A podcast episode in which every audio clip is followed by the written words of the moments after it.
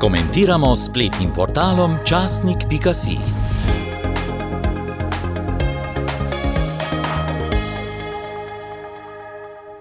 Avtor današnjega komentarja je primarij Janez Remškar, doktor medicine. Slovenke, slovenci, ali vemo, kaj je naša identiteta? 9. julija 1858 se je v Ljubljani rodil narodni prebuditelj gospod Henrik Tuma. Tako je bilo 9. julija 2023 sporočeno v jutranjem koledarju na radiju Ljubljana. Gospod Tuma je bil narodni prebuditelj slovenki in slovencev pred 165 leti. To dejstvom, zdi se, je pomembno za našo srednjo radijsko hišo, da so nam to sporočili in prav je tako. Kdo so bili torej prebuditelji?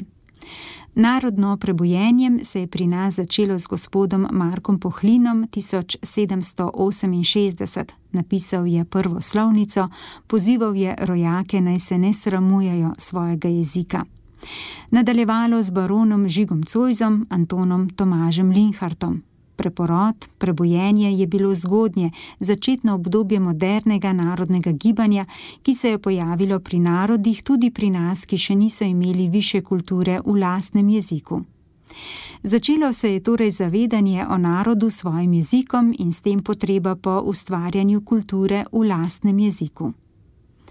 O jeziku, pomembnega za narodovo identiteto in s tem povezane dokumente, smo začeli odkrivati leta 1807. Tega leta so odkrili bržinske spomenike, ki so nastali med leti 972 in 1039 in so napisani v zgodnji slovenščini. Iz kasnejšega časa, iz 14. in 15. stoletja, poznamo celovške, stiške in starogorske rokopise. Za njih je značilno, da vsebujejo več narečnih besed. V 16. stoletju, v času protestantizma, so za nas pomembne korake naredili Primoš Trubar, katekizem in abecednik v slovenskem jeziku, Juri Dalmatin, prevod Biblije v slovenščino in Adam Bohorič, prva slovenska slovnica. V 17. in 18. stoletju je tiskanje zamrlo. Prvo znanstveno slovnico je v letih 1808-1809 napisal Jrnej Kopitar. V 19. stoletju se je knjižna slovenščina poenotila, uvajalo se jo je v šole, urade kot posledico političnih zahtev slovenki in slovencev v programu Zedinjena Slovenija. Eno prvih del v novi pisavi Gajici so bile leta 1847 izdane poezije Franceta Preširna. Toliko o našem narodnem prebojenju in našem slovenskem jeziku, pomembnem za našo identiteto v teku preteklih stoletij. In kaj imamo danes? Morda bi ponovno potrebovali ljudi, ki bi nas opozarjali na pomen in vrednoto, da imamo lasten jezik. Če poslušamo regionalne radijske postaje, slišimo poizkuse govora v dialektih, kar je pomembno in dobrodošlo, da se na to ne pozabi. Žal pa ob tem slišimo preveč popačenk in tujk, polno je besedičenja, tudi prostaškega, in govorcem se zdi, da so duhoviti.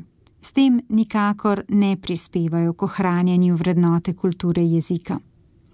Tudi glasbe, značilne za naše bivše sodržavljane, je na nekaterih naših radijskih postajah, v primerjavi z enakimi postajami v državah, ki so nastale po razpadu Jugoslavije, bistveno preveč.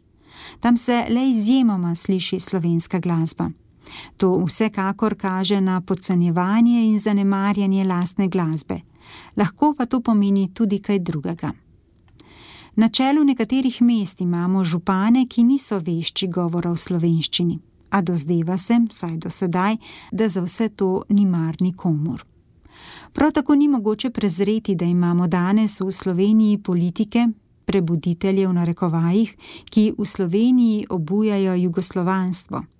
Ali se slovenke in slovenci zavedamo, da se to ne dogaja v nobeni od držav, ki so nastale na pogorišču Jugoslavije? V kulturi smo z nagrado Preširnovega sklada umetnici v narekovajih Maji Smrekar s projektom K9 Tipologija s psom na dojki, z nastopom gospoda Roberta Pešuta Manifika, s petjem zabavljaških pesmi Franceta Praširna na račun nun katoliške cerkve in nastopi gospe Svetlane Makarovič, njenim nespremljivim, da ne rečem prostaškim naslavljanjem tistih, ki ji niso pogodu, dosegli dno.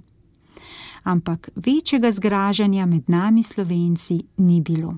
Zakaj? Glede na vse to, je to, da bomo verjetno dobili spomenik, skulpturo v obliki Č, kar poročajo mediji pred novim kulturnim centrom Rok, malenkost. Vse to govori o nas samih, o ljudeh brez ponosa, o ljudeh brez občutka, kaj je kultura. Morda pa nas je strah. Strah česa, koga? Osebno menim, da Evropa brez vrednot, kakršna je danes, oziroma kjer je vrednota le mladost, lepota in denar, propada. Ne vemo več, kaj je družina. V družini, če še obstaja, je poleg enega otroka vsaj še pes.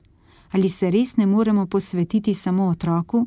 Najbrž ne, kajti prav zato, da se otrok zamoti, otrok potrebuje psa. Starši imajo s tem izgovor, da se jim ni treba posvečati otroku. In res, posvečanje vzgoji otroka, učenju za življenje je veliko bolj zahtevno. Nič nimam proti živalim, problem je v tem, da ne vemo več, kaj je starševska vloga in dožnost. Vse bi radi naprtili šoli, vzgojo, učenje in tudi odgovornost. To je značilnost poprečnega starša v Evropi, seveda ob dirki za denarjem. Kaj se nam dogaja? Ne smemo govoriti o narodu in poudarjati pomena njegove identitete, ker je to nacionalizem. Tudi pisati o tem ne smemo, ker smo potem fašisti. Ampak ali smem biti ponosen na svoj jezik, kulturo, glasbo? Ali je tudi to prepovedano?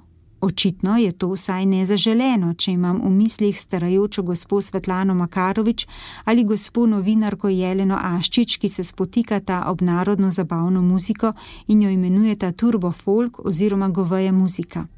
Res je, da ni vsa dobra, a tudi klasična glasba ni vsa dobra, da o roku in drugih zvrsteh ne pišem. Je stvar okusa je pa to naša glasba in mnogo te je dobre in značilne za naš podalpski, mnogokrat malo zagranjen in sentimentalen čustveni svet. Žal je v zadnjem času celo nekdanja vodja protokola Republike Slovenije, gospa Ksenja Benedetti, v intervjuju na radiju prostodušno priznala, da posluša vse razen slovenske narodno-zabavne glasbe razumem in tudi sprejemam, ker tega ni označila s prej navedenimi izrazi. Ob tem pa se sprašujem, ali bi si kot medijsko poznana osebnost to upala izreči na Hrvaškem, v Srbiji. Kaj mislite? Kakšen odziv bi doživela? Kje je naš ponos? Na vse to, še posebej na ponos, nas je na posvetu o identiteti slovenk in slovencev 30. junija 2023 v okviru Slovenskega svetovnega kongresa opomnil gost iz Koroške, dr. Karel Hren. Med drugim nam je povedal, na, da na Koroškem učitelji v slovenskih šolah otroke uči o domoljubju, narodu, slovenski državi. Koliko imamo tega v matični domovini? Spraševal se je o našem ponosu zakaj te zavesti pri naših učiteljih ni, ali jih je strah, pred kom in zakaj, ali kot družba kaj delamo na tem. Ob tem je nujno potrebno prebrati intervju z gospodom Borisom Pahorjem iz leta 2019. Rdeča nit tega razgovora je bila naša slovenska identiteta. Opozoril je na to, da zreli narodi z jasno identiteto lažje sobivajo, saj je pri njih manj želje po nadvladi. Dodal je, da je prva dožnost odraslega človeka, da ostane zvest svoji identiteti, svojemu narodnemu izviru. In dodal, da če mi slovenci ne bomo imeli prepričanja o naši identiteti, ne bomo obstali. Poudaril je tudi našo obvezo, da to prenašamo na mlajše. Vse to je izpostavil kot nasprotje stališču Edvarda Kardelja, ki je bil prepričan, da narodna zvestoba vodi v nacionalizem. Gospod Boris Pahor je ob takem stališču razmišljal, da je narod, ki spoštuje svoj narodni princip, ki spoštuje svoj jezik, kulturo, zgodovino, zemljo, zaveden, kar pa ni nikakršen nacionalizem. Na strokovnem posvetu Slovenska narodna identiteta je akademik profesor dr. Petr Štih, diplomirani zgodovinar in predsednik SAZU, povdaril, da mora v Sloveniji vsak državljan imeti pravico študirati v slovenskem jeziku, globalizaciji in digitalizaciji na vkljub. Ob tem je povdaril tudi, da sama jezikovna kontinuiteta še ne pomeni narodne identitete. Tudi docent dr. Dejan Valentinčič, diplomirani pravnik, je izpostavil, da smo Slovenci vzpostavili narodno zavest, ki temelji na kulturi in jeziku. Poudaril je, da Slovenci nismo bili nikoli šovinistični. Res je tudi, da se jezika lahko nauči vsak in zato še ni slovenec, torej jezik ni vse, kar sodi k identiteti. Profesor dr. Andrej Fink, diplomirani pravnik, nas je upozoril, da se narod presoja na osnovi njemu lastnih vrednot. Po njegovem identiteta ni enobarvna, gre za zmes naroda, kulture, jezika. Opozoril je na pomen zgodovine naroda, skupnega ozemlja in na vrednote ter pripomnil, da brez vrednot ni kulture. Opozoril je na to, da če človek ne ve, kdo je, ne more spoštovati sebe in izgubljeni ljudje ne prispevajo k sožitju. Včasih smo imeli narodne prebuditelje, duhovnike, ki so začeli ustvarjati našo identiteto, jezik kulturnega naroda in jih vsaj navidezno slavimo še danes. In kje smo svojo identiteto v resnici danes? Smo prestrašeni, zavrti in si ne upamo zastaviti svoje besede za naš jezik, glasbo, domovino? Očitno še vedno čutimo posledice iz časa komunizma, ko so nas na vsak način hoteli spraviti v lonec jugoslovanstva. Smo majhen narod, narod s svojim jezikom, ampak nikoli nismo gojili nacionalizma. Ustvarili smo svojo državo in bodimo na to ponosni. Opozarjajmo na to, da ni vse, kar si nekdo izmisli, umetnost. Ne glede na ideološko sestavo raznih komisij, odborov, opozarjajmo na pomen našega jezika, ki smo ga uspeli obdržati kljub večnim pritiskom na področju med Germani in Romani. Ne sramujmo se naše narodno-zabavne glasbe, ki je prodrla za razliko naših številnih umetnikov na veliko področje Evrope, predvsem pa v predel alpskega sveta. Prenehajmo se bati, če nas zaradi zauzemanja za našo lastno identiteto tisti, ki jim do tega ni, imenujejo nacionaliste, celo fašiste. S tem le izkazujejo, kam sodijo. Ali spet potrebujemo narodne prebuditelje? Vsekakor. Je svoj komentar zaključil primarij Janez Remškar, doktor medicine.